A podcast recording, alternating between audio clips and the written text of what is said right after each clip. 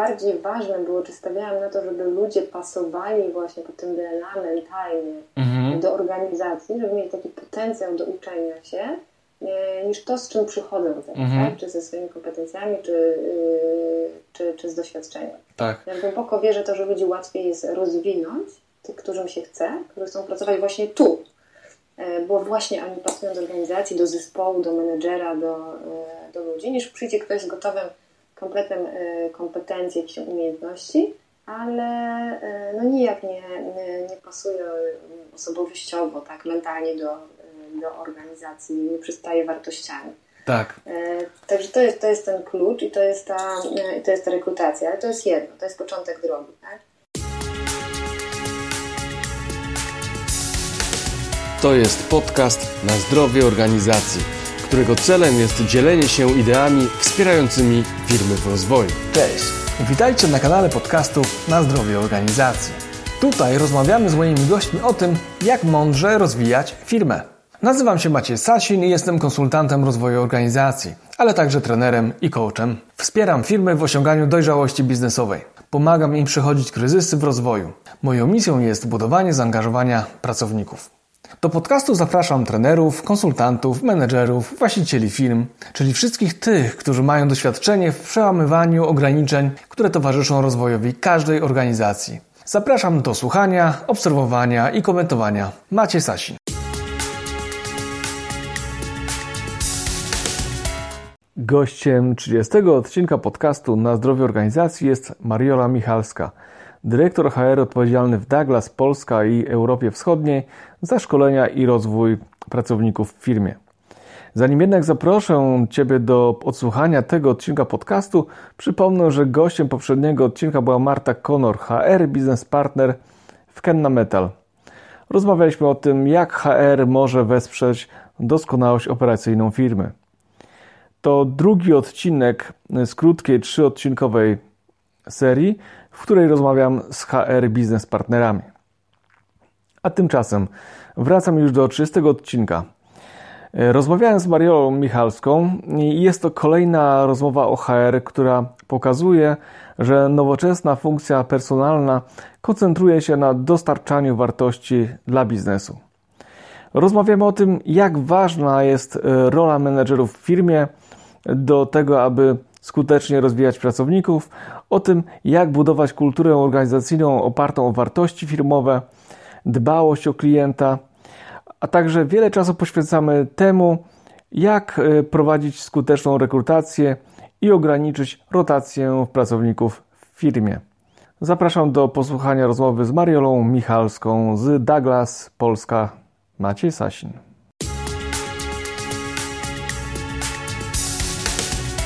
Cześć Mariola, witaj w kolejnym odcinku podcastu Na zdrowie organizacji.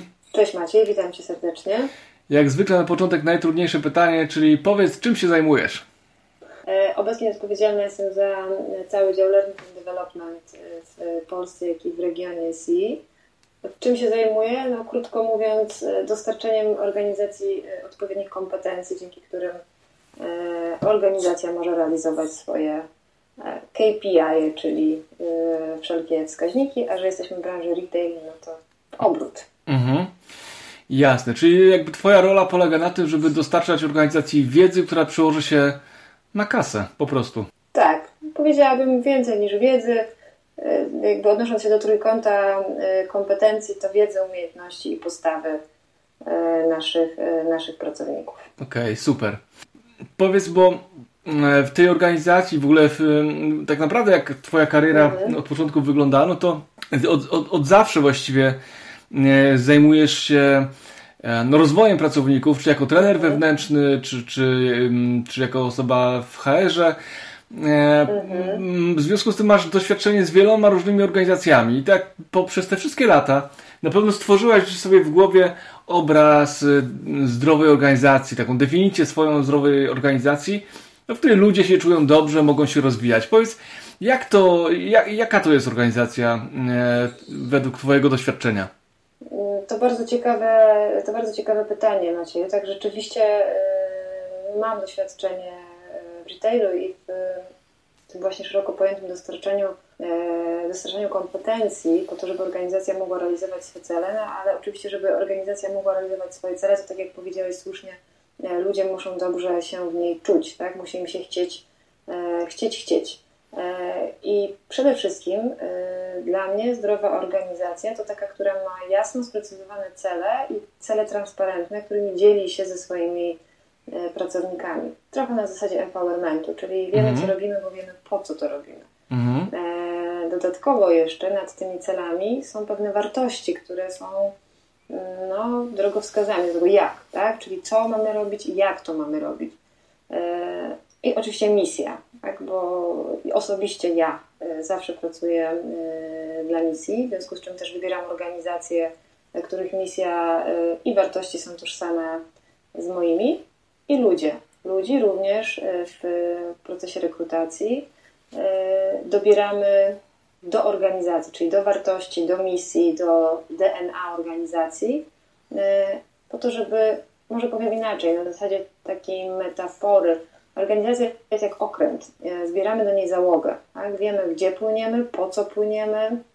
Mhm. Każdy musi mieć na, na okręcie e, odpowiednią funkcję, e, odpowiednie kompetencje, po to, żeby sobie wszyscy mogli nawzajem ufać, że znają się na tym, co robią. Mhm. Muszą też ze sobą współpracować, bo jak wiemy, samemu nic się, tak, samemu, nie, samemu ani sternik, ani, ani majtek nie dopłynie do, do celu. Dlatego to musi być zespół. Mhm. Także E, zgodnie z tą metaforą e, misja, e, wartości, transparentne cele, taki empowerment i ludzie dobrani do tego mm, pod względem kompetencji, pod względem postawy i też z tożsamymi wartościami. Mm. My nazywamy to, ja lubię to nazywać tym DNA mhm. organizacji. No właśnie, wiesz, poruszasz tutaj bardzo ważne tematy, bo z jednej strony mamy misję, wartości, z drugiej strony mamy cele. I tak mhm. naprawdę E, wiele osób się zastanawia, jak to wszystko pogodzić. No, no bo jeżeli realizujemy te KPI słynne, jeżeli mhm. nastawieni jesteśmy na cel, no to przecież no, w biznesie no to kasa się liczy, jest najważniejsza.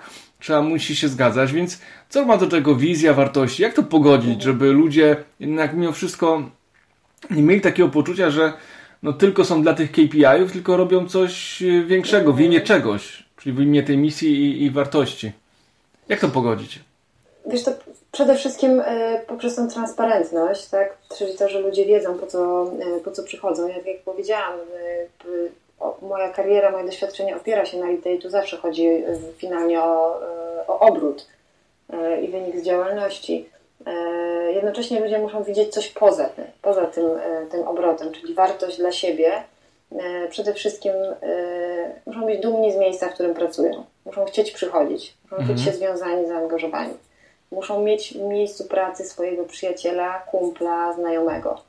E, musi im się chcieć chcieć. Muszą mieć menadżera, lidera, który e, wzmacnia pozytywnym feedbackiem, który pokazuje ścieżki do rozwoju, który pokazuje, e, który pokazuje drogę. Mhm. I musi być odpowiednio nagradzany, tak? Motywacyjnie również w ramach motywacji do, do, tej, do tej pracy. I poza tym obrotem, poza tymi pieniędzmi musi widzieć taką wartość, y, wartość dodaną, jak satysfakcja naszych klientów, chociażby no, odnoszę się teraz do branży, do branży retail, tak? mhm. czy zdobywanie, czy pokonywanie własnych, y, własnych y, jakichś słabości, uczenie się i rozwój. Mhm. No. no. pracujesz w branży beauty, no to tutaj zadowolenie klientów to jest, to jest kluczowe, tak? No bo jeżeli ktoś przyjdzie i dostanie produkt, którego nie potrzebuje albo z którego nie będzie zadowolony, korzystając na niego, na, z niego na co dzień, no to po prostu albo nie wróci, albo pójdzie do konkurencji. No taka jest prawda. Nie może iść do konkurencji. nie może iść, dokładnie. E, słuchaj, a masz, a masz jakieś e, metody, które stosujesz, stosowałaś w praktyce albo spotkałaś się z nimi, które pomagają przyłożyć te wartości na konkretne, codzienne zachowania, bo często firmy mają z tym problem, że określają te wartości, mhm. wywieszają je na ścianach, mówią o misji, na, zazwyczaj raz w roku na spotkaniu świątecznym mhm. albo na jakimś tam e, okazjonalnych. No a jak przychodzi co do czego do, do w rzeczywistości, no to jakby zapomina się o tym. M masz mhm. jakieś fajne metody, jakieś fajne sposoby na to? Wiesz co, no, te wartości my w organizacji, w której teraz pracuję, aktualnie jesteśmy na etapie zmiany wartości korporacyjnych.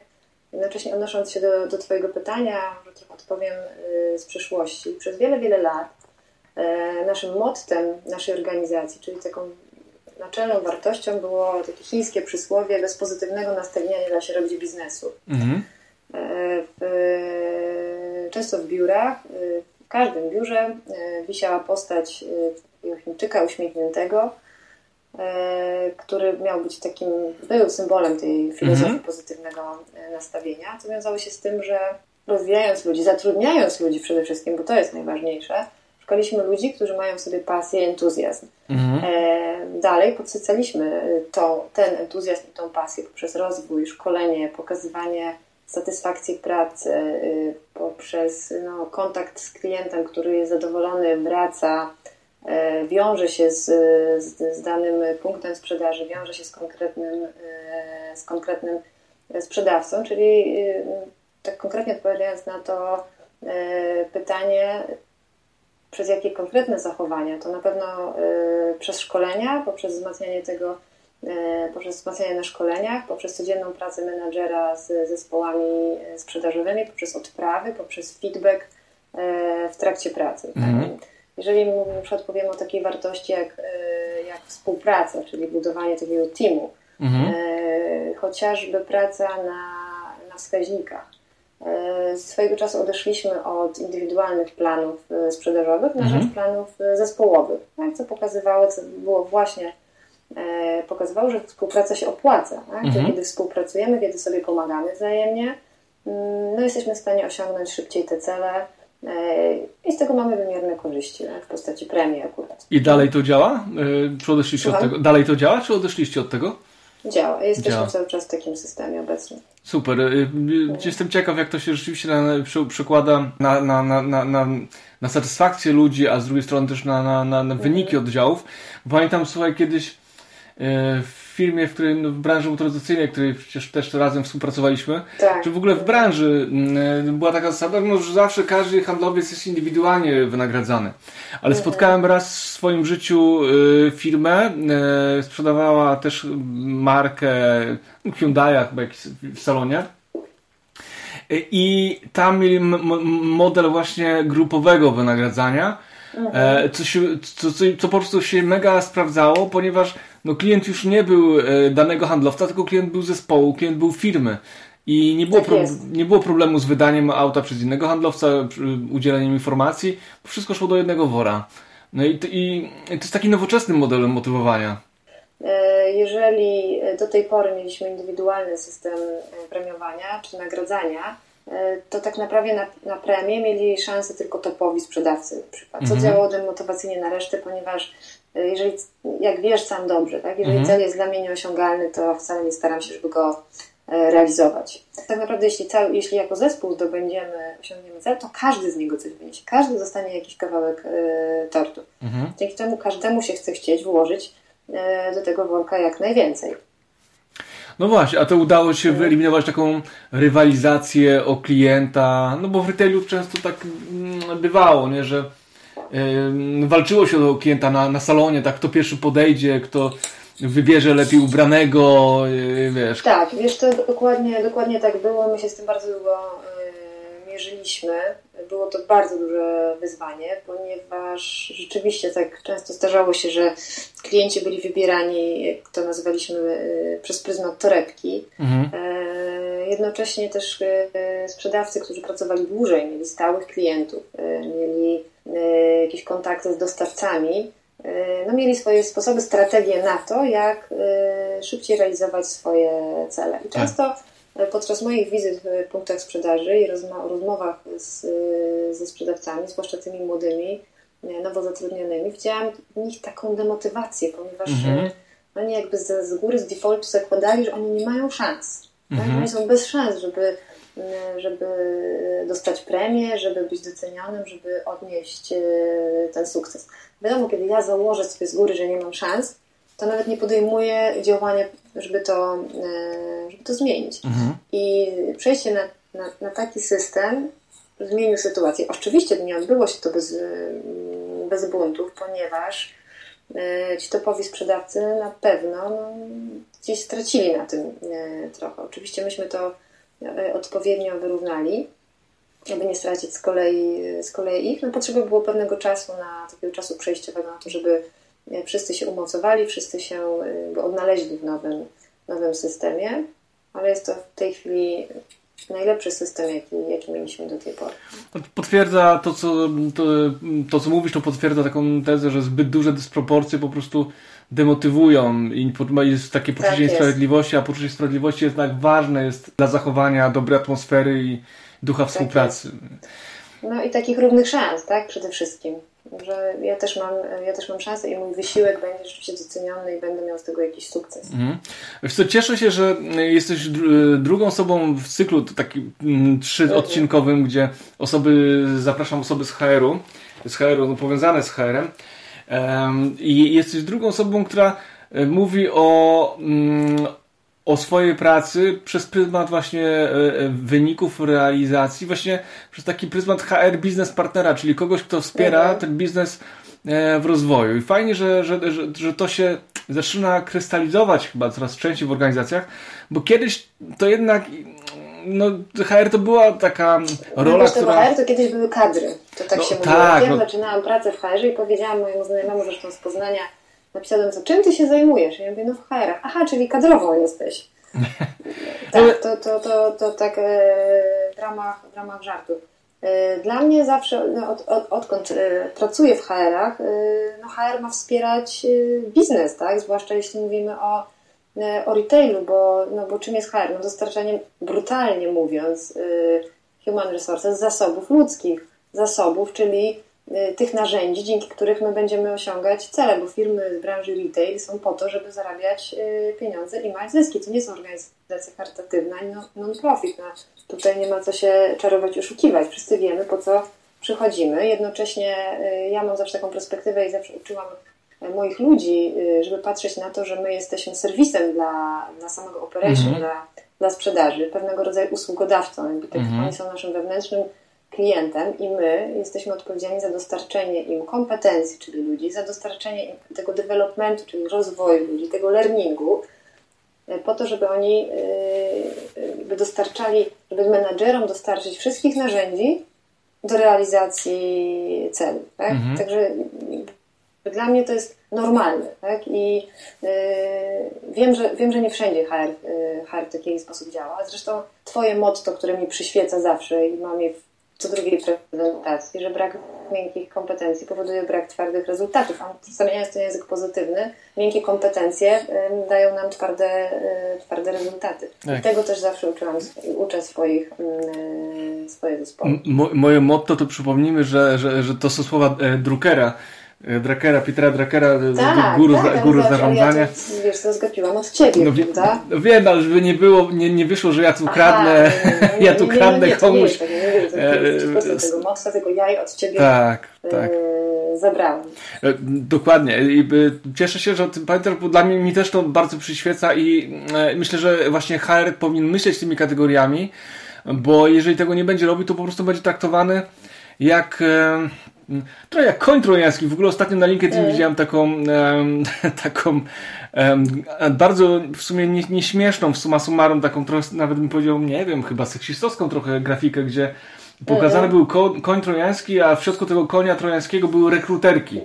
Nie? I to dosłownie były rekru słowo rekruterki wpisane, w sensie takim, no, że to są osoby, które organizacje od wewnątrz gdzieś tam mm, e, rozwalają. No, tam mogło być tak naprawdę każda osoba, która nie wykorzystuje, e, znaczy nie wykonuje swojego zawodu profesjonalnie, swojej roli. To może być równie dobrze ktoś z serwisu, z magazynu, mhm. ktokolwiek, nie? To może być nawet, nie wiem... Z infolinii.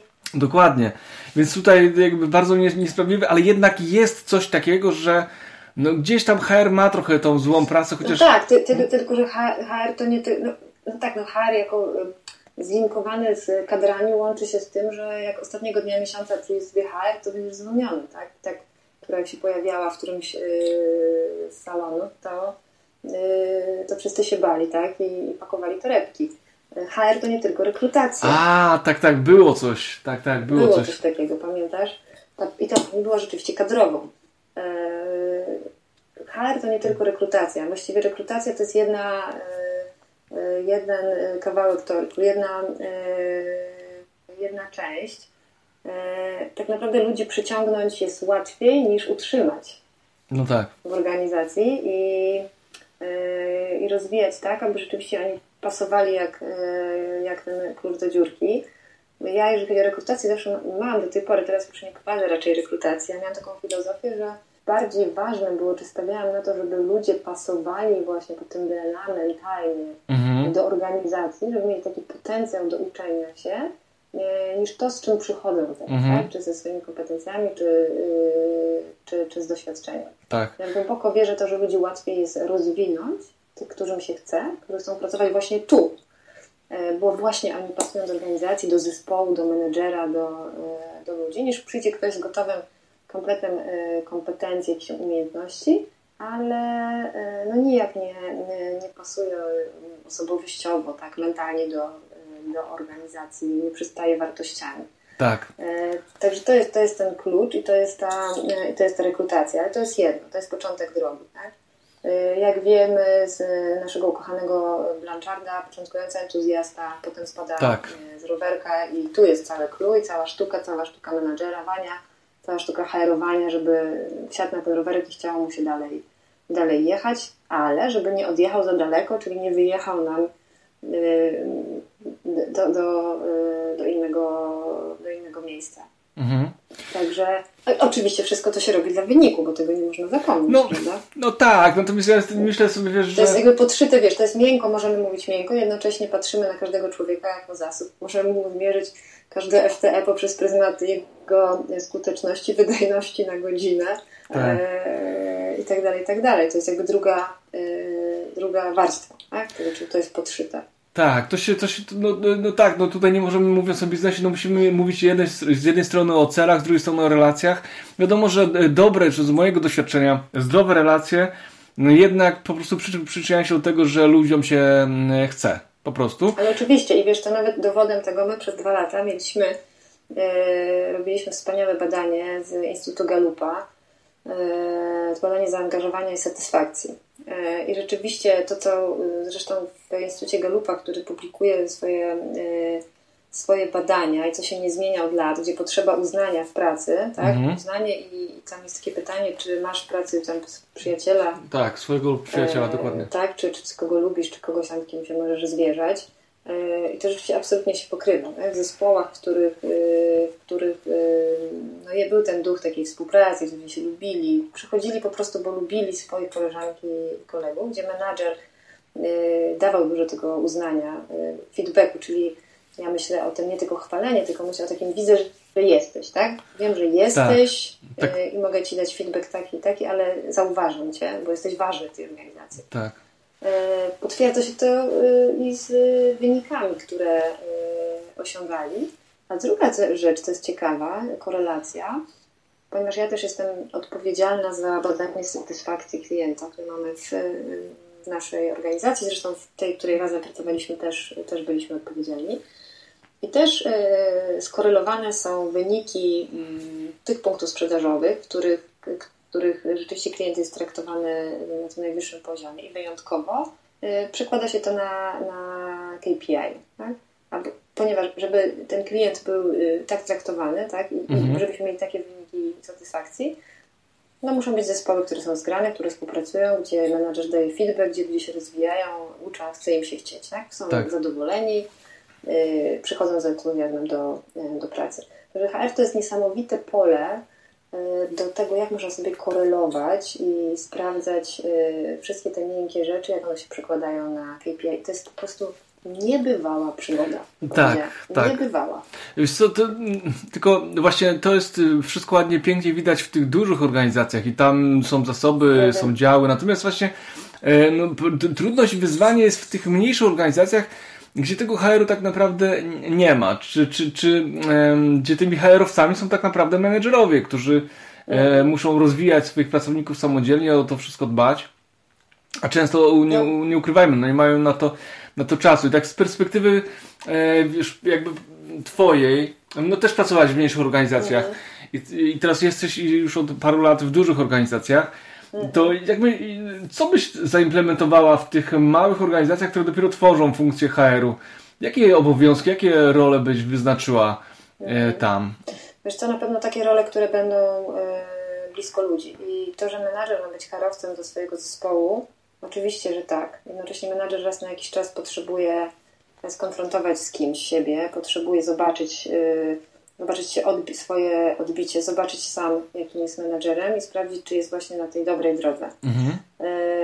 Ja od zawsze w tych dużych organizacjach, no może nie od zawsze, ale w tej organizacji mam zespół trenerów, który się zmienia liczebnie w zależności od, od, od możliwości, od czasu.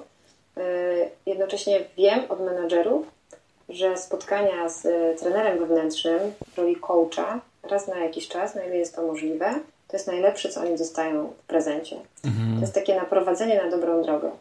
E, czyli trochę tak, że jadę samochodem i wiem, jak go prowadzić, mam swoich pasażerów, wiem, gdzie jadę, tak? Mhm. Jeden mi podaje kanapki, drugi zatankuje, no ale ja jadę, ale czasami po prostu nie wiem, czy ja dobrze jadę, tak? No kto mi powie? No tak. No nie wiem, gdzie dojadę. A kiedy spotykam takiego y, trenera coacha, tak symbolicznie porównując go do instruktora jazdy, on siada ze mną i ja się upewniam wtedy, czy, czy ja dobrze jadę, tak? Czy ja dobrze używam wszystkich, y, y, wszystkich narzędzi Y, trochę mi podpowie, trochę mnie skoryguje, trochę mnie nauczy czegoś innego. Mhm. Hmm? A powiedz mi, co... To jest... A jeszcze jedno powiem Ci, że, że w takiej bieżączce menadżera, gdzie on się zaczyna skupiać na analityce, na, na KPI-ach, na, yy, na celach, no często i gęsto zagrożeniem jest takim, że odchodzi od tego takiego aspektu yy, ludzkiego, tak? O tym, że ludzi trzeba motywować, że chwalić, że entuzjazm i tak dalej, i tak dalej. I o tym trzeba przypominać. No tak, to jest taka... No, I o tym trzeba ludziom przypominać. Taka o mantra. tym menedżerom trzeba mhm. przypominać chociażby checklistami, które u nas po prostu perfekcyjnie się, e, się sprawdzają. Wtedy mam pewność, że jak mają checklistę, to, to zrobi to, tak? No właśnie. Znaczy, na, pewno, na pewno doradziłabym e, taką rolę miękkiego, e, takiego miękkiego HR, jak czasami jest to, jest to nazywane, to po prostu HR, tak? Takiego HR, który jest blisko ludzi. Słucha ludzi, odpowiada na, e, na potrzeby, no i też pomaga w dostarczeniu tych zasobów, które, e, które rzeczywiście no, będą się sprawdzały mhm. w danej organizacji.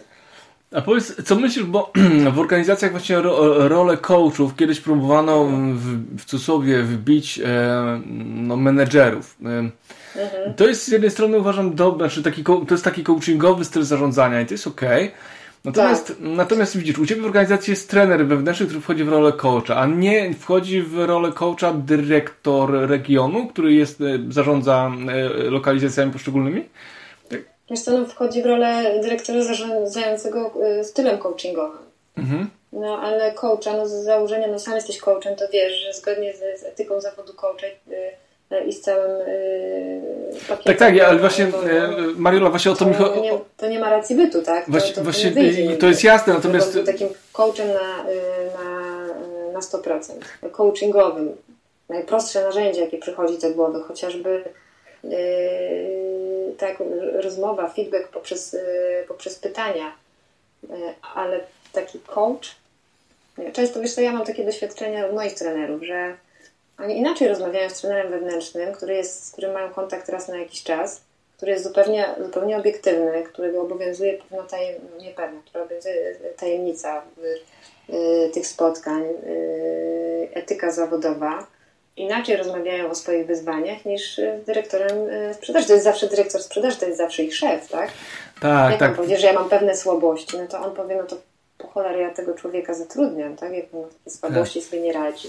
Ale to właśnie, właśnie jest interesujące, że, że, że kiedyś był taki trend e, właśnie, że się no, właśnie te osoby na wyższych stanowiskach miały być coachami, coachami nie miały zarządzać mhm. stylu coachingowym, no ale to samo, samo, samo jakby samo z siebie jakby to zostało wyeliminowane po prostu. To nie działało i organizacje zrezygnowały z tego.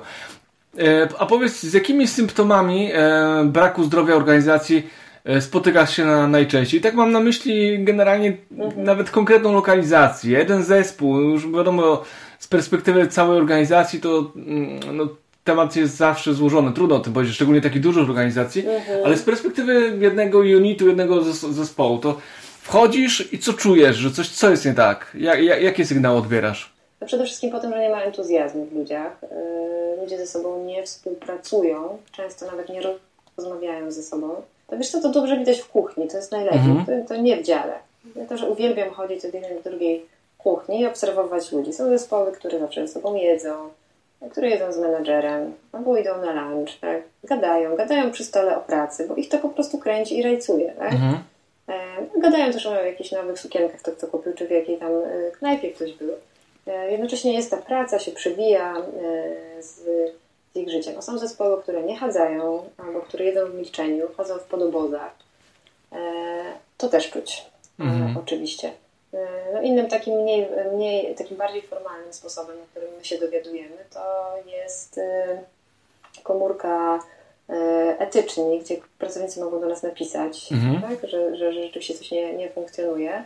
No ale to już jest taka ostateczność, więc sobie ludzie mhm. nie, nie poradzą e, sami. Ale fajnie, że coś takiego jest. braku zdrowia organizacji jest rotacja. To chyba powinno wyjść mm. na pierwszym miejscu. Tak, rotacja. Jeśli w zespole jest duża rotacja, nie myślę o takiej rotacji w momencie, kiedy mamy jakiś pik, bo coś się wydarzyło, jest zmiana zespołu, bo zmienił się menadżer. I wtedy może tam być nawet, nie wiem, 50%, 40% rotacji. Ale ta rotacja jest cały czas, E, a my mieliśmy lata, w których mierzyliśmy się z bardzo wysoką rotacją, nawet jak na, e, na retail, no to to jest już znak, że coś jest nie tak. Mhm. duży, tak? dlatego temu się trzeba przyglądać. No rotacja jest, jest, takim, jest takim problemem e, i bardzo dużym kosztem organizacji, który może nie... nie bardzo do... dużym kosztem. I wiesz co, i menadżerowie sobie nie zdają sprawy z tego. Yy, często i gęsto. A HR jest po to, żeby im powiedzieć, ile to kosztuje. No bo to się da wyliczyć.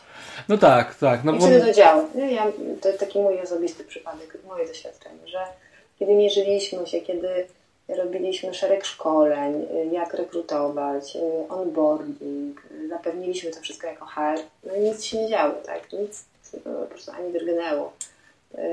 I dopiero w no, mówimy o retailu, ludziach sprzedaży. Ludzie sprzedaży liczą koszty, tak? Dopiero pokazanie, ile, y, y, ile tracisz, tak? Na, jak, jaki jest koszt zatrudnienia nowego pracownika, y, pokazanie tego jego, wiesz, proporcji, jakie on osiąga cele przez okres powiedzmy pół roku i roku w porównaniu do pracownika, który już pracuje, bo już jest rozpędzony, nauczany, mhm. tak, wykwalifikowany, jaką masz tu straty, czyli ten gap, tak nazywamy mhm. w sprzedaży, no to wtedy jest takie, o, to rzeczywiście, tak? tak. To jeśli ja mam rotację tyle i tyle procent i pomnożę to przez taki, taki e, plan i taką, taką stratę i tyle, tyle osób, to wychodzi to ładna sumka. No tak, tutaj ty od razu pokazujesz koszty, jakie są braku tego, tej, tej rotacji, braku zdrowia organizacyjnego, że można powiedzieć, że przeskoczyłaś do kolejnego pytania. A, no dobrze, dobrze, dobrze, no bo to e, właśnie o to, o to e, fajnie, że o tym powiedziałeś, bo samo z siebie to wyszło, bo rzeczywiście e, war, warto liczyć, warto sprawdzać, warto, warto mierzyć te działania HR-owe, a rotacja jest takim e, dla mnie przynajmniej bardzo ważnym aspektem mierzenia sprawności w organizacji. E, ale pamiętasz, e, w jednym oddziale, w którym mhm. razem pracowaliśmy, jeden z menedżerów, no to tam miał taką rotację, że właściwie jedno zdanie, które mi kiedyś powiedział, to mhm. mi wszystko wyjaśnił. On powiedział tak, Maciej, spokój, ja wiesz, ja zatrudniam ludzi tutaj e, i sprawdzam, jak rzucam ich tutaj do tego mordoru, jak się, jak, jak, jak wypłyną to super, jak nie, no to następne. No i tak miał taką rotację taką no, mhm. charakterystyczną, wiesz o kim mówię pewnie? No tak, no sam, e, finalnie sam, e, sam odpłynął, prawda? Yy, szybko też. Yy, ale wiesz co, z tym takim próbowaniem też się spotka, też, też podobnie odpowiadali menadżerowie, z którymi ja pracowałam, już poza tą organizacją, w której, w której pracowaliśmy razem. Tak, że zatrudniali sobie na sprawdzenie po prostu tak, no jak nie, to, no, to, to, to następna osoba. Ale zupełnie właśnie nie myśląc o tym, jakie to generuje koszty, e, mówiąc o kosztach no, e, konkretnych finansowych, ale też jaki jest koszt dla zespołu. Ponieważ, mhm. żeby człowieka mm, wyuczyć, tak, żeby dostosować, musisz poświęcić czas innych pracowników kosztem tak. mhm. ich celów codziennych, tak? no bo oczywiście są trenerzy wewnętrzni, są inne osoby, które gdzieś tam uczą, tak, robią szkolenia, ale są też pracownicy w zespole, ponieważ taki nowy się o wszystko pyta, to przeszkadza mi, tak, który organizuje moją pracę. To tracą na tym wszyscy. Tak, tak. Tutaj wszyscy ponoszą koszt. Do tej tak? rotacji to Dopasowanie można... do zespołu to zmienia w ogóle energię zespołu nowa osoba. Mhm. No to się cały system musi, wiesz, zespół to jest system, tak? To jest taka to pewna grupa, gdzie każdy pełni swoją rolę, funkcję, każdy ma swoje kompetencje. To się składa na jedną całość, sam, samo taki wystarczający organizm. No i teraz jak mhm wyjmiesz z niego e, jedną rękę i wstawisz drugą, no to, to musi nauczyć tego, tak? Dokładnie, taki przeszczep się, można powiedzieć, się dokonuje. Zanim taki przeszczep się dokonuje, nie wiadomo, czy się przyjmie. No, widzisz, właśnie, dobrze, dobrze to ująłeś. A jeszcze a propos tego y, człowieka, o którym mówiłeś y, o rekrutacji, to akurat, wiesz co, no ja z nim tę rekrutację prowadziłam, więc to chyba na, na odrębny podcast, jak, jak nie prowadzić y, rekrutacji, tak. Ja no, ochotę zakładać sobie torbę na głowę, żeby nikt nie rozpoznał w czasie tych rekrutacji. Tak, Ale wiesz tak. co? Wstydu się najadłaś. to doświadczenie, bo ja się tyle nauczyłam, tylko że taką e, metodą negatywnej motywacji, takiej od, motywacji mhm. E, od, prawda? Jak, e, jak nie, nie prowadzić. No wiesz co, to, to, to, to jest tak, że teraz to się zmienia, ale kiedyś naprawdę menedżerowie nie byli przygotowani do prowadzenia rekrutacji i naprawdę jak się prowadziło te rekrutacje z nimi, to, to, to można było się wstydu najeść i były pytania, no, które, nie, mówić, które, które były po prostu no, no, no nie na miejscu, mm, no, nie, nie powinny się pojawić, no, jakieś takie seksistowskie albo zbyt prywatne. I, no, no wiesz co, to jest jedno, ale to, to, to już, co sam mówisz, to jest skrajność. E, to, y, co mi się nie podoba, w, co nie podobało mi się w tamtej organizacji, e, to jest takie podejście na rekrutacji, że ja tu jestem, jakby to tu dobrze ująć, że ja tu jestem górą, a ty przyszedłeś tutaj i teraz albo doznasz mojej łaski i świetłości, że cię przyjmę albo wejdziesz do drugiego etapu, albo nie, tak, na mhm. człowieka. I budowanie takiej atmosfery bój się bój, tak, my się zaraz opowiemy o naszej firmie, a ty tutaj ciebie przepytamy z tych kompetencji, jakie masz, tak. I zazwyczaj to właśnie wyglądało tak, że siada, siada pan menadżer i taki człowiek, który od razu czuje się, prawda, mały, przestraszony mhm. i y, oceniany. Tak. Y, mi to, co mi się udało, i uważam, że jest moim naprawdę sukcesem, to wypracować taki styl rekrutacji i w mojej obecnej y, organizacji nauczyć tego ludzi, że to wcale nie tak. Nie jest tylko tak, że ci ludzie nas potrzebują, bo my potrzebujemy też tych ludzi. Dokładnie. To nie jest rekrutacja po to, że ja mam powiedzieć człowieku nadajesz się albo nie nadajesz. Bo każdy jest wartościowy, każdy ma swoje doświadczenie, każdy ma swoje kompetencje. I ta sztuką jest stworzyć taką atmosferę, że ja to szanuję, doceniam, e, że masz to, że przeżyłeś mhm. to, że, że, że osiągnąłeś takie sukcesy. A teraz ja chcę dowiedzieć się, czy ty będziesz do nas pasował, tak? Czy ja z tego biorę coś dla siebie, a nie ocenienie ciebie i powiedzenia nie nadajesz się albo nadajesz się. Budowanie tak. takiej atmosfery, że my jesteśmy partnerami i chcemy zrobić deal. Albo ja chcę coś od ciebie kupić, albo nie. Ale to nie znaczy, że ktoś inny nie kupi bo ty jesteś pełnowartościowym y, człowiekiem, tak? Czyli i, wiesz co, i na przykład mi się sprawdza to bardzo, jak mówię to nawet na rekrutacjach ludziom, na wstępnej właściwie. E, jedno to kompetencje, drugie to DNA. Szukamy ludzi, którzy, którzy do nas y, pasują, którzy y, będą z nami spójnie pod względem tej misji, misji i wartości. Mhm. Druga rzecz to chociażby taka informacja po rekrutacji, nie? czyli ten feedback. Mhm. E, zawsze pilnowałam tego i do tej pory e, moje koleżanki, którymi pracuję, teraz zajmują się rekrutacją, pilnują, żeby do każdego oddzwonić. Żeby każdemu miło, każdego miło poinformować, czy, czy, czy on idzie dalej, czy nie idzie dalej, tak? No to już takie działania Budowanie, też tak, employer brandingowe. Dlatego, że my wychodzimy z założenia, że każda osoba na rekrutacji może być naszym potencjalnym klientem. To jest cały czas budowanie naszej marki, to jest cały czas sprzedaż. Tak. Ja moim celem jest to, że klient wychodzi z rekrutacji i nawet jak się tutaj nie dostał, to myśli sobie, kurczę, ale fajna ta firma jest jednak, tak? Ta, tak, to jest cały czas budowanie tego employer brandingu, tego takiego mm, wizerunku wśród pracowników, ale także wśród potencjalnych kandydatów i, i, klientów, czyli wszyscy, którzy przychodzą, stykają się z organizacją, no to stykają się z jakąś marką. Dokładnie. E, chcę wrócić tej, do, do tego e, menadżera, którego tu wspominaliśmy z mhm. Rozrzewnieniem. właśnie jego postawa taka stricte niepartnerska, już na samym starcie, na rozmowie kwalifikacyjnej. No bardzo dominująca przede wszystkim. Tak, tak, to po prostu od razu zniechęcała... Tak, od razu zniechęcała te, wie, tak. wiele, wiele osób i, i one już po prostu same, wtedy mówiłaś, już pamiętam jak się żaliłaś, że kurczę, znowu kandydaci uciekli. Tak. I to było moje duże poświęcenie w tej branży motoryzacyjnej, bo ja robiłam taki direct search, ponieważ już nikogo tam nie mogłam znaleźć z tych ogłoszeń. Więc jeździłam po wszystkich salonach, yy, umawiałam się na jazdy próbne yy, i tam budowałam sobie różne tożsamości, w każdym salonie inną. Ci ludzie dzwaniali do mnie, zapraszali mnie, prawie kilka samochodów kupiłam. I tych naprawdę najlepszych zapraszałam na spotkanie i właśnie kiedyś mi jeden z nich yy, powiedział, co prawie się już popłakałam, powiedział mi super, w ogóle super pani zrobiła tą rekrutację, to było bardzo miłe, ekstra, ale wie pani co, z kimś takim to nigdy nie chciałbym pracować. Tak. I po prostu to, co powiedziałaś, to potwierdza taką tezę, że ludzie przychodzą do organizacji, a odchodzą bardzo często od, od menedżera. No i teraz, jeżeli tak. menedżer już na starcie powoduje taką e, psychozę i negatywne, tak. e, negatywne nastawienie kandydatów, no nawet to prawo nie ma szansy zaistnieć, bo, bo już na starcie ktoś po prostu odpada i tyle. Musiał być naprawdę wysokie bezrobocie, żeby, żeby, żeby pracować e, z takim menedżerem, który tak traktuje osoby które się starają. No ale mówisz, czasami rzeczywiście marka może przyciągnąć. Marka, marka tak, marka, marka może przyciągnąć, ale mimo, mimo to jednak ten człowiek, który ma, ma nami, y, ma być naszym mentorem, liderem, jest decydujący. Mhm.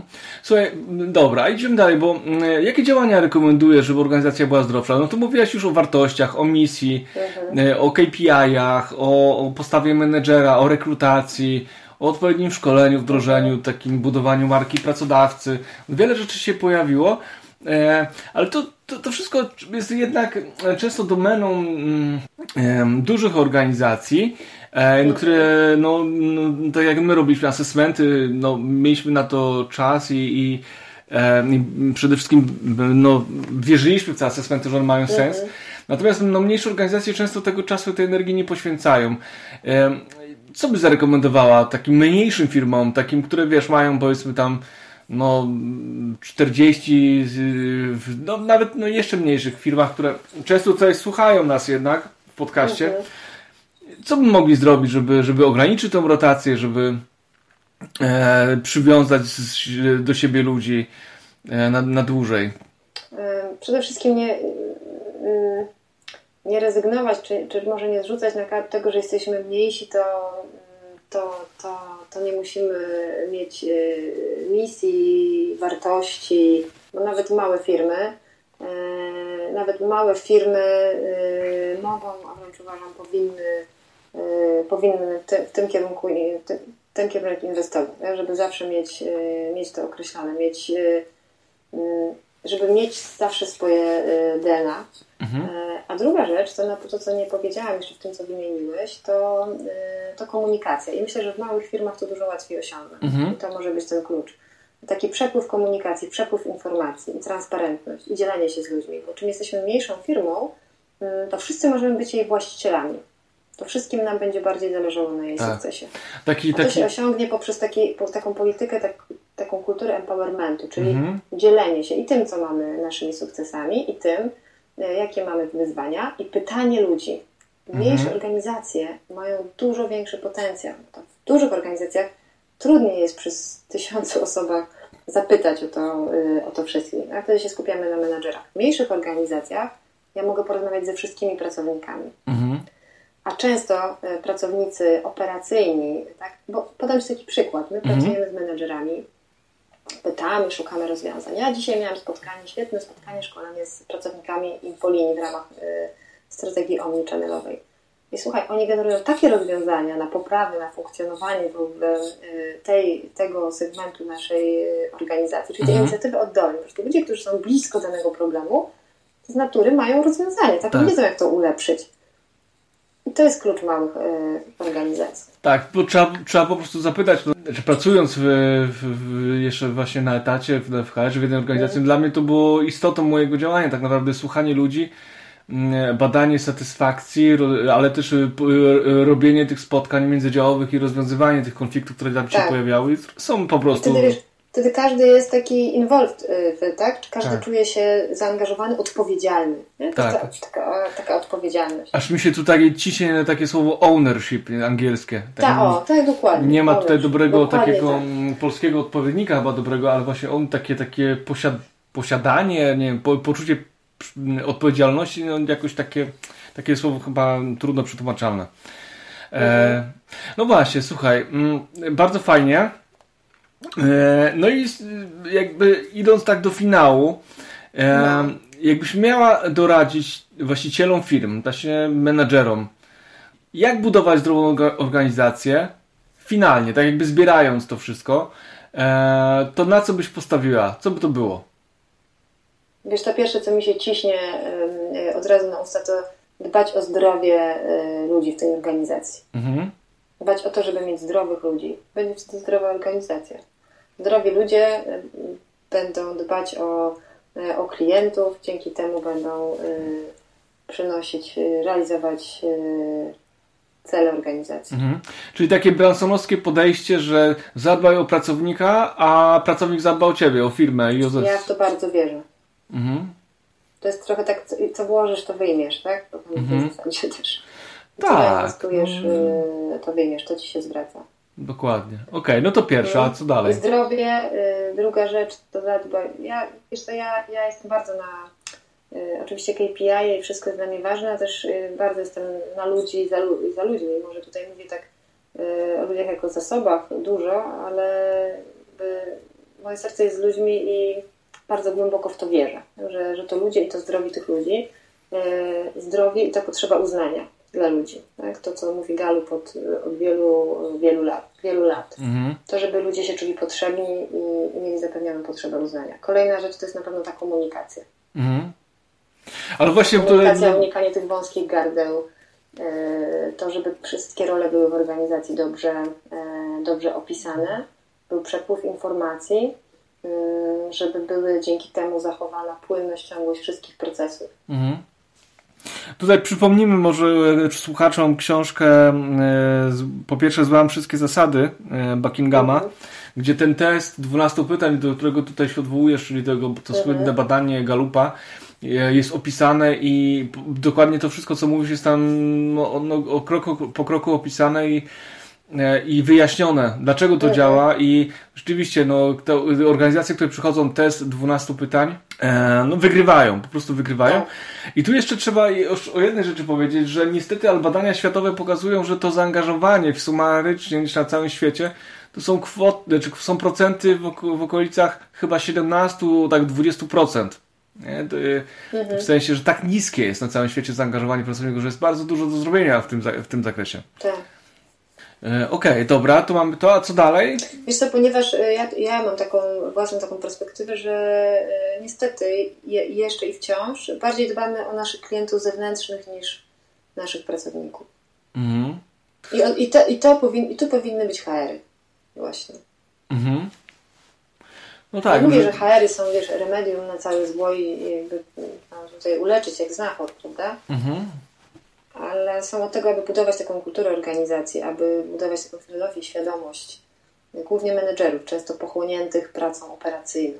Tak, tak. No właśnie to pochłonięcie pracą operacyjną to dosłownie przejawiało się też to w poprzednim odcinku podcastu, gdzie też Marta Konor opowiadała właśnie o swoich doświadczeniach, że właśnie no jednak menedżerowie są bardzo operacyjnie dociążeni, chyba szczególnie w takich strukturach korporacyjnych, że jednak jest dużo raportowania, E, dużo jest um, takiej codziennej, bieżącej walki. Dokładnie. I, I, ja się często też spotykam. No ale jak my mamy tutaj y, robić, tak pracować z tylami, jak my musimy tutaj raporty, tu, tutaj na maile, tu zamówienia zrobić i tak dalej, y, i tak dalej. Tak? Mhm. Tak?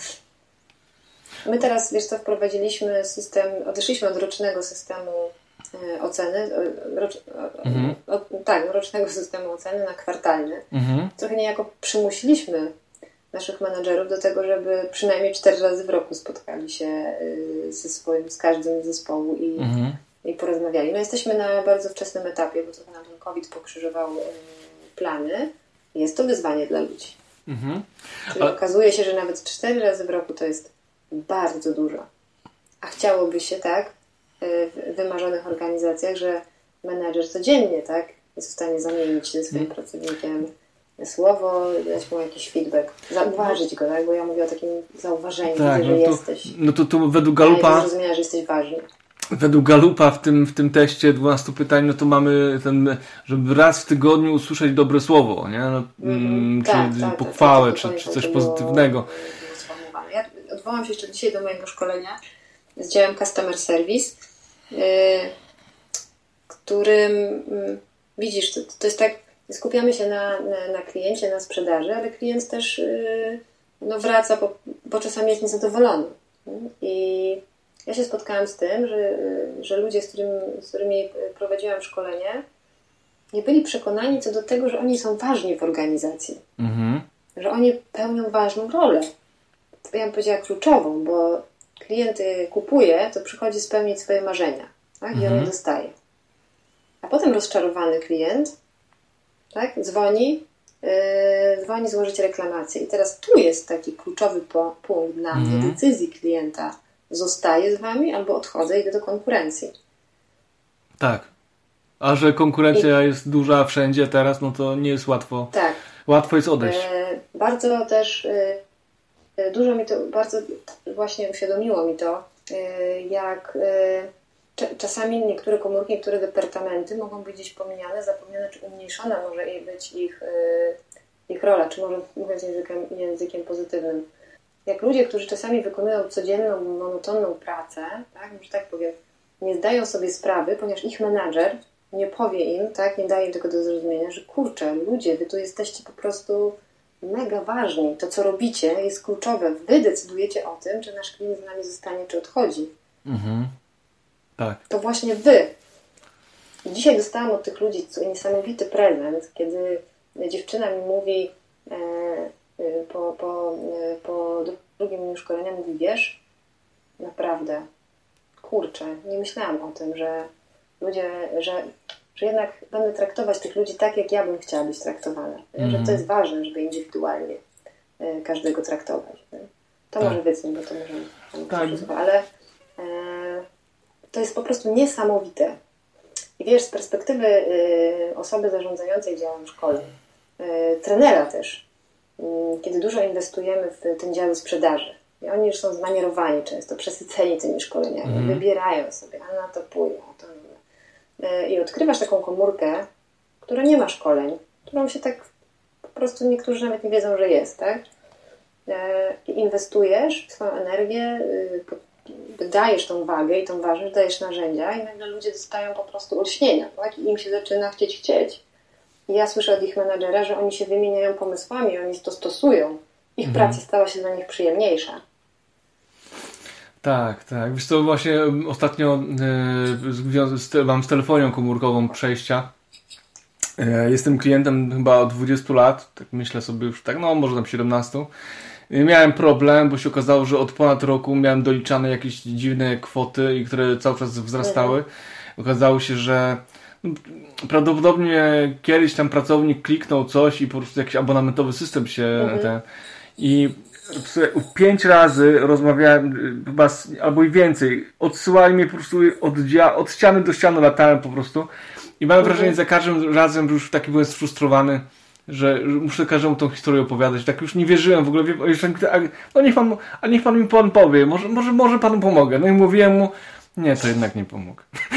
I, po, musi, bo, I wszyscy mnie odsyłali do jakichś takich dziwnych, e, e, różnych miejsc. Nikt mi nie potrafił pomóc. Mówię, ja chromole, po prostu. No i może to być, może to być wszystko niezorganizowane. Ale tak pomyślałem też jeszcze z tej, tej takiej perspektywy, że e, no jakoś to, bo to było na telefonie, który był nieużywany już. Nie? I jakby on był po prostu, no, no nie, nie był używany. Teraz jakby firma jakby nie, jakby nie, nie, nie zadbała, czy nie, nie, nie wiem, czy no, wydaje mi się, że jak jest problem, to zawsze dzwonią i, i, i tam windykują, jak się zapomni faktury zapłacić i tak dalej, nie? To mają system. No ale wiesz, jak im kasa wpłynęła, to co mieli windykować? No tak, ale jeżeli właśnie jest jakaś rzecz, która jest na niekorzyść klienta i no to mm. wiesz, żeby przejrzeć i wy, wyczytać, tam ja mam ten rachunek na 15 stron, bo tam jest ileś tam telefonów i różnych usług i ogarnąć to i żeby to wychwycić, no kiedy na początku wiesz, to jest 20 zł, ty nie zauważasz tego. Później nagle się robi 30, a już w ostatnim miesiącu się zrobiło 75 i tak dopiero to zauważyłem. Mówię, co to jest? No kurde, nie dzwonię, więcej nic nie robię.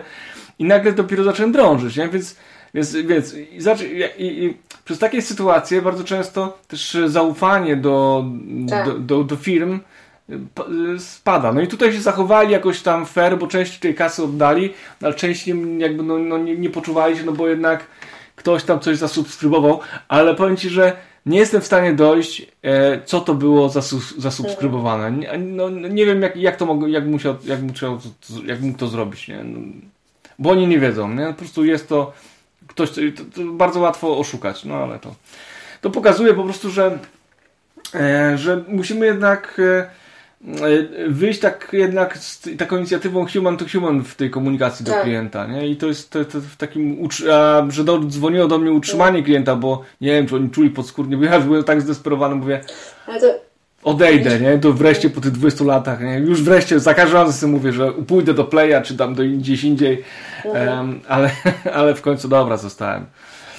To właśnie to, co mówisz yy, dzisiaj a propos mojego tam yy, spotkania z działem Customer Care, y, też y, wyraźnie odczarowałam trochę ich rzeczywistość, bo właśnie usłyszałam, że kurczę, trzeba traktować po ludzku jednak tych petentów. Nie? Petentów? Petenta, no tego nie słyszałem. I to, I to taki prezent, jaki, jaki ja dostałam jako za. Tak? Zmiana, zmiana, zmiana postawy. Tak, tak. Ale wiesz też, y, a propos, chciałam Ci powiedzieć, że wykorzystałam na tym szkoleniu ten film, który kiedyś od Ciebie dostałam, z kolesiem z infolinii e, od wypadku samochodowego. Aha, aha, aha. Też sam pije tak, kawę tak. przenosi go, on widzi sytuację, w jakiej jest klient, że ugryzł w błocie. Film nadal aktualny. Tak, znaczy, to jest film chyba z lat 80., jak tak scenografia nie, wskazuje. Ja nie znalazłam do dziś lepszego, wiesz, który by mówił o tym, tak, ale jak to, pracować z klientem. To jest e, taka straszna konkluzja, ale w tych kwestiach miękkich tak naprawdę E, niewiele się już, niewiele się zmieniło, jest po prostu mimo całej tej technologii, e, którą mam dostępną, no musimy dbać o te miękkie aspekty, a wydaje mi się, że w związku, że jednak jesteśmy zatopieni z tą technologią, no to gdzieś tam coś umyka. Ale wiesz, to no, technologia ma nam pomagać. Technologia ma, widzisz, co, co powiedziałeś o tym przypadku, że musiałeś dzwonić do kilku osób. Teraz. Yy, Ale wiesz to jeszcze tylko powiem jedną rzecz. że, mi, że ja miałem wrażenie w pewnym momencie, że ja z botami tak. rozmawiam, nie? Że, że rozmawiam z botami, to znaczy, że, że, że wiesz, no że... właśnie, i teraz mówię o tym, że y, dzisiaj właśnie też y, miałam tą pogawędkę z tym zespołem, ponieważ y, jak dostałam takie zapotrzebowanie na, na szkolenie, to usłyszałam, że jakiś algorytm się tam przyda, tak? Jakiś algorytm sprzedaży ja od razu powiedziałam, że nie będzie, bo ja jestem absolutnie przeciwna wszelkim algorytmom. Bo algorytmy, no to możemy sobie, zatrudnimy sobie komputer, tak? Weźmy sobie bota, to będzie miał algorytm, mhm. będzie, będzie odpowiadał. Ludzie dzwonią i chcą usłyszeć żywego człowieka, chcą, chcą żeby była empatia, chcą, żeby ktoś się mhm. zainteresował, żeby się ważni, e, żeby potraktował ich po prostu e, indywidualnie. Też e, wchodząc do tej grupy od razu właśnie dostaję informację, że nie ma, tak? Nie ma algorytmu. Mhm. Nie ma, bo każdy klient jest inny, każda sprawa jest, y, jest inna, a że sama mam takie doświadczenia, jak wiesz, na studiach pracy mojej ciemiężnej w telekomunikacji polskiej, gdzie podzięłam swoje najważniejsze życiowe zawodowe Szkoła życia. Tym, że jestem ogromnie wdzięczna y, telekomunikacji polskiej, łzą, które tam wylałam i nocą, które tam przepracowałam. Tam były algorytmy. Tam nie można było inaczej powiedzieć do, do, do człowieka jak skryptem. Mhm. Bo siedziała pani na słuchawce, która słuchała i nie daj Boże, wymknąłeś się za skrypt, po prostu zrobiłeś out of the box, no to byłeś ścięty. No. Yeah. I to było po prostu komiczne, tak? Bo ludzie pytają cię, a ty, a ty klepiesz jakieś bzdury. Oni pytają znowu, bo nie wiedzą o co chodzi. Tak? Ty klepiesz jakąś formułkę. I wiesz, że po prostu robisz z siebie idiotę, z człowieka idiotę. I oczywiście panie, które, cudowne panie, które tam pracowały, one były tego wyuczone, działały automatu, z automatu, a ty jako student kierunków humanistycznych z zacięciem psychologicznym chciałbyś się rozwinąć i z człowiekiem pogadać, no to nie możesz, bo masz skrypt, tak? I babę mhm. za słuchawce, która cię tam już macha do ciebie, że za dużo. No, to wiesz co, tutaj... I, I, ludzie, jakie mieli ludzie podejście do tepsy? No sami wiemy, no, no, tak? Ale ty pracowałaś, pracowałaś na Neostradzie, czy... czy yy... Nie, telekom telekomunikacji polskiej, tej starej telekomunikacji polskiej. Ale Neostrada to było internet. Międzymiastowych, międzynarodowych trochę, Aha. budzeniach. Aha. No i łączeniu rozmów też, y, tak, y, no w Polsce. Okej. Okay. Ale to jeszcze stary, naprawdę stary czas, już starzy jesteśmy. Stary, ale powiem Ci, że ja je bardzo dobrze pamiętam, bardzo, bo one mnie bardzo ukierunkowały. Tak, to, było, no, to była motywacja od. Bardzo silna, ale przekształciła w motywację do. Ci, którzy przeszli jakby szkołę TEPS, bo to nie, nie jesteś jedyną osobą, która zna, znam, która tam pracowała, no to dobrze, to wspominają właśnie jako szkoły życia. Ja pamiętam, że do tej TEPSy się nie dostałem, że, że nie przeszedłem rekrutacji i tak sobie... Pamiętam to. Bo razem, bo razem byliśmy na rekrutacji, tak. Tak, tak. I pamiętam, że byłem chwilowo załamany, ale później jak sobie posłuchałem Ciebie, to, to sobie pomyślałem, że chyba dobrze jednak, bo się zająłem czym innym. Ja e... pamiętam, jak tam chodziłam do pracy na nocy, bo na nocach y, najlepiej płacili, albo na taką trzecią w nocy. To była najgorsza godzina, nikt nie chciał pracować, ale to było najlepiej płatne. I szłam często bo, mm, przez stary rynek w Poznaniu i spotykałam, bo że mieliśmy dużo znajomych, więc zawsze kogoś spotkałam. I ludzie mówili, a ty skąd wracasz? Chodź z nami dalej. Nigdy nie mówiłam prawdy, że ja tak idę do tej pracy, by to, to jakoś nie uwierzył, że ja trzecia w co ja idę przez stary rynek do pracy. Tak? No a to tak. sentymentalnie nam się zrobiło. Tak. Nie wiem, czy, czy, czy to nowe pokolenie młode, które nam rośnie, czy by zniosło takie takie rośnie, to, czy, zro, czy wytrzymałoby takie, że tak powiem, katusze i to się, ta wrażliwość się zmienia, teraz ludzie są bardziej wrażliwi. Ja, ja, ja, pamiętam, jak mi przez telefon jeden facet powiedział, jak pani do mnie mówi przez ten telefon, to proszę wstać, bo ja jestem magistrem. Wyobrażasz sobie? o, piękne czasy. Mariola, słuchaj, e, dziękuję Ci, bardzo fajnie nam się tu rozmawiało, moglibyśmy się tak pewnie całą noc przegadać, natomiast, bo jest wieczór jak rozmawiamy, natomiast tak. e, fajnie, bo dzięki, dzięki, że powiedziałaś dużo ciekawych wskazówek, myślę, że każdy, kto nas tu słucha, wyciągnie coś dla siebie. E, no i przede wszystkim znowu konkluzja, że no HR to jest e, biznes partner, powinien być biznes partnerem, który rozumie... Ja nie widzę innej, innej, innej roli, to wszystko się przekłada.